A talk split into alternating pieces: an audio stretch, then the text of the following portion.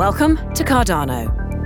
We made it our business to have a deeper understanding of the world, and as a result, we do things differently. Through our independent mindset and commitment to look at the bigger picture, we invite you to join us on our journey to greater knowledge. In a series of inspiring podcasts, we bring together a best in class circle of diverse experts who share their expertise and experience on the most important issues facing the world today and in the future. Diversity is a concept that has rapidly become important in society and therefore also in companies and organisations. Now, the big question is how do you get it done? How do you find the right people and make their assignments a success? The answer, in short, by knowing what is lacking by giving people a chance, by coaching them well, and by getting the whole organisation on board. In this podcast, two people we can learn from Sarah McPhee and David Blackburn. Sarah McPhee was CEO at one of Sweden's largest pension funds, SPP. She managed to get more women, more people from migrant backgrounds, and more younger and older people at the top in several companies she worked for. She was twice CEO of the Year and Business Leader of the Year. David Blackburn also worked at many different organisations, both for profit and non profit. In these companies, he worked to increase diversity. Now, he is head of human resources at the British Financial Services Compensation Scheme, and they have already met their diversity targets and mind you, ambitious targets. Uh, so one of the headline targets was to increase uh, female representation at a leadership level to 50% of the organization by March 2022 to ensure that we have an older worker population. So by older worker, we mean workers over the age of 50 of more than 25% by March 2022 and to have black, Asian, minority ethnic representation at leadership level of 20% by March 2022. There are more targets. There are targets that relate to disability and LGBT plus, but those are there are three of the key targets that we wanted to achieve. So those percentages apply to the executive level. And finding them wasn't actually that hard at all, Blackburn says. They were already there on their own work floor.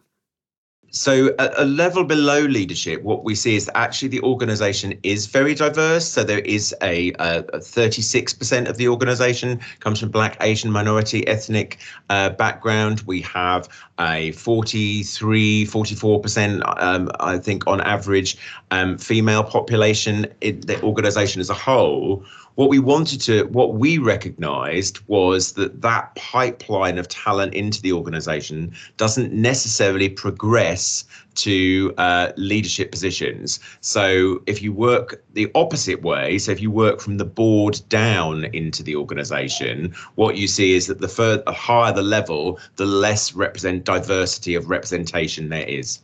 So they are there but you have to actually guide them upward I think the challenge is that, yes, there is clearly a generational uh, gap and there is a time factor in career progression.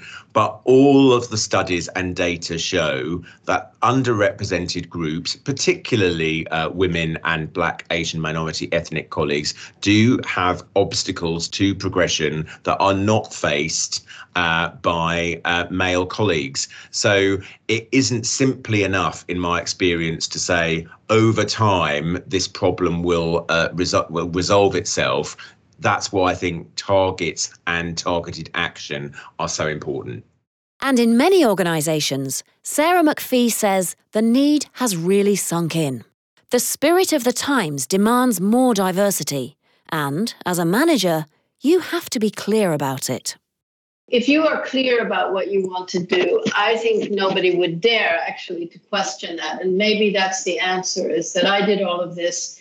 And who who is going to come into the office and say we should have more white men in management or you shouldn't do this? McPhee did not shy away from the hard way. She looked around thinking, are all my executives really great at what they do? Her answer was no. And so what I did when I was a CEO is I just decided that the five weakest men in my 10 man leadership group would be moved out, which didn't happen overnight. It wasn't like I came in one day, but within six months, I had moved up five weak males and put in five women whom I believed. Um, these people I took risks on, but the risks were no greater than knowing that I had a mediocre white male there who was tied, tried and true, but tried and true mediocre. McPhee's method is very resolute. And maybe it's not possible to implement it in this way in every organisation. David Blackburn advocates a more organic approach. My advice to uh, any line manager or leader looking to increase diversity in their organization is to firstly understand the data in your organization. So, understand the population as it exists right now. Uh, secondly, once you've done that analysis, understand where there are barriers or blockages uh, in career progression. So we've talked about um, career pathways and talent management and internal promotion. If you have a diverse population at the front line, but that isn't replicated at senior levels in the organization, you need to ask yourself what's happening internally. And thirdly, I think that targets are vitally important. Our board, uh, being really candid, was slightly reluctant to set targets and to publish them. But in my experience, when you set yourself a published goal and you monitor your progress against it, that is what makes the difference happen. Mm. McPhee agrees, but adds that follow through is crucial. If I had some any middle manager in front of me, whatever their personal status, I say statistics.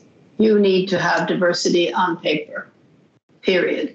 And it needs to be at all levels. You can't don't give me the aggregate of the call center combined with your actuar, actuaries i want to know each level what the statistics are and if they're not good you should be moving people out of the, the dominant uh, whatever it is criteria and and hiring people and you should be doing that rapidly it's 2021 i mean this is ridiculous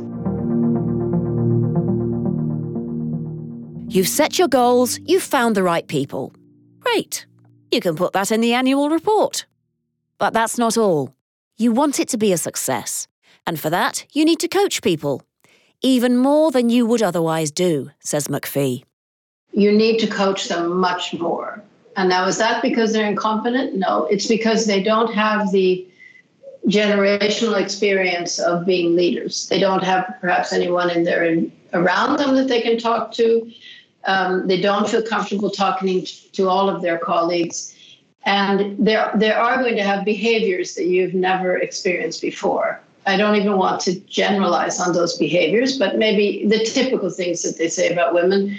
We don't talk uh, in meetings as much. Uh, we don't pontificate, which is a negative word, but but really what what a, a man would say is you, you're not really explaining your and um, they also say that women think out loud, which I think is partly true. We, we, think like this, like this, like this, and then we come to a conclusion. That's not professional in your eyes. So you have to watch all your biases about the way people should behave. It also requires a lot from the executives already there. The company's top must be willing to listen and learn, Blackburn says. I think the most important thing to ensure that you don't misstep or do the wrong things in this space is to engage, listen, and act. So I think you need to engage with your colleagues and listen to their feedback and base your actions on that conversation. So, to give you a practical example, over the course of the last uh, year, many organizations uh, have had to deal with and understand the Black Lives Matters conversation those conversations are best led by black colleagues. So at the FSCS, it was our black colleagues, enabled and supported by uh, the people function, who led those discussions, who brought their recommendations to the executive team. I'm not um, a black man working in London. And so, actually, the lived experience of our black colleagues to shape that strategy was the best thing. So, the way you don't make the mistake is don't assume that you know the answer. Don't assume. It might come from a place of very good intent but the way to make sure that you're doing the right thing is to engage and listen to your colleagues and then take action based on their feedback. Being open to other ways of dealing with issues of communicating breaking free from the way that things have always been done. It's worth the effort david blackburn says. His interest in diversity stems from his own story my personal commitment to uh, diversity and inclusion is born out of my own, partly out of my own lived experience. Uh, I am a gay man and uh, I suffered uh, homophobic violence uh, during my uh, teenage years. And so I have seen uh, bigotry and exclusion um, you know, I've seen the nasty side of that. And so I'm very passionate about creating an inclusive environment where everyone can succeed in achieving their personal and professional goals. But also, it does make good business sense. I, I will never be convinced of, of otherwise. You know, the more, the greater the diversity of backgrounds, of experiences, of um, thinking styles. Increasingly, we talk about neurodiversity. Um, it makes for a richer conversation. So, if you do it right, it pays off. McPhee also sees this as an important aspect get the whole group on board. This means that coaching is not only for minority groups, but also for the dominant group of people who are already there. And you need to coach the, the dominant group, whatever that might be, we are going to be a diverse group. Make sure that there's a sense of inclusion. Be sensitive to what this minority group might find offensive. If they don't talk in a management meeting, ask them their opinion. If you're talking too much, stop talking, etc. Just these very small details in behavior are is all you need to do. So statistics and coaching, and don't forget to coach the dominant group because they they see themselves as kind of not part of the problem uh, because they're good guys, you know, if it happens to be guys. And, uh, and they need to also be sensitized to that they can create an inclusive environment. An additional tool McPhee used to make it clear that this was serious is salary. Pay people accordingly to the position they are given. This meant, for example, that she gave women a 30% salary increase you have to proactively raise the, the salaries of, of the people of color and women. And why, why do I say that? Well, I had many women, and I saw just now in the Financial Times that in the UK, uh, CEO, female CEOs are paid much less, like 70% of what male CEOs are paid. So what did I do? I had some cases like that where women at the professional level were paid 70% of what men were paid, and I raised their salaries by 30%, which is something you never do. But the, the reason it's worth doing that is because it changes their own self perception. And they become more attractive to recruiters, which gives them a chance to challenge what do they want to do with their roles. So those three things statistical discipline, coaching, and egalitarian salaries for those at management level that's just just do it. And in the end, what always works focus on the job, work together always concentrate on the job at hand for you know it, at your company concentrate on the content of the consultancy assignment. And if you just keep pushing that, that focus people can work together of all shapes and sizes. And i think for people who are in minorities just keep thinking about content content uh, because people love to work on real problems together. And and then all these shapes and sizes disappear when people work well together, differences disappear by themselves. Or rather, they no longer matter. Look at your statistics. Find the people. Listen to them. Coach them. Coach the others. And make sure your salary building is in order. And then there's one important aspect. To really make it a success, people have to feel good in your organisation. The term belonging turns up very often these days, and for good reason. There increasingly is a dialogue and debate about belonging. So, over the course of the years that I have been, so we used to talk about equal opportunities and we used to talk about equity, and then we started talking about diversity, and then we started talking about diversity and inclusion and the natural evolution of. So, it is one thing to have a diverse organization with lots of different backgrounds, people, knowledge, experience, and life, uh, life experience. Uh, it's another thing to create an environment where all of those diverse groups feel equally included. But the evolution of that is what you really want is your people to feel that they belong.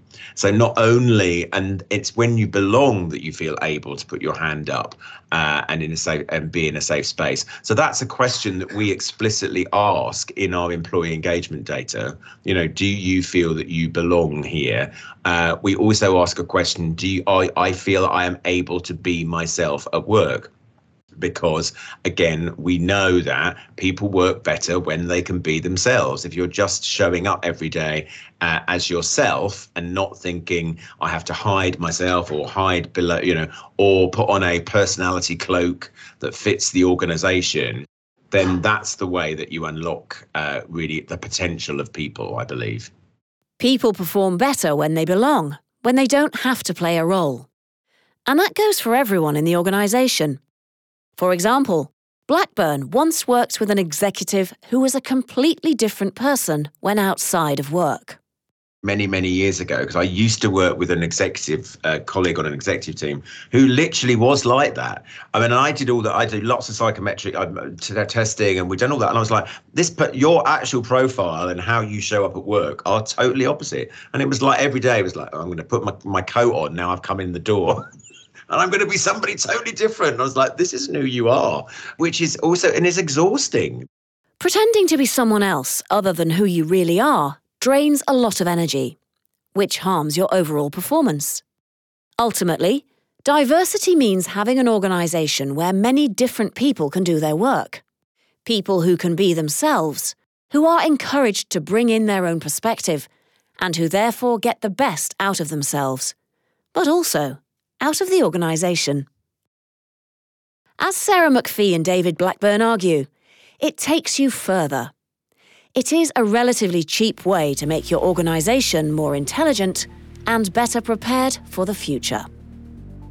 In this podcast, we heard two successful executives who were eager to share how they manage diversity at their companies. Hopefully, you can relate to some of their ideas. But perhaps the most important lesson is let everyone be themselves. We all deserve that, and our organisations deserve that. Want to read and hear more? Visit our site, cardano.com, for many more interesting stories. This podcast was brought to you by Cardano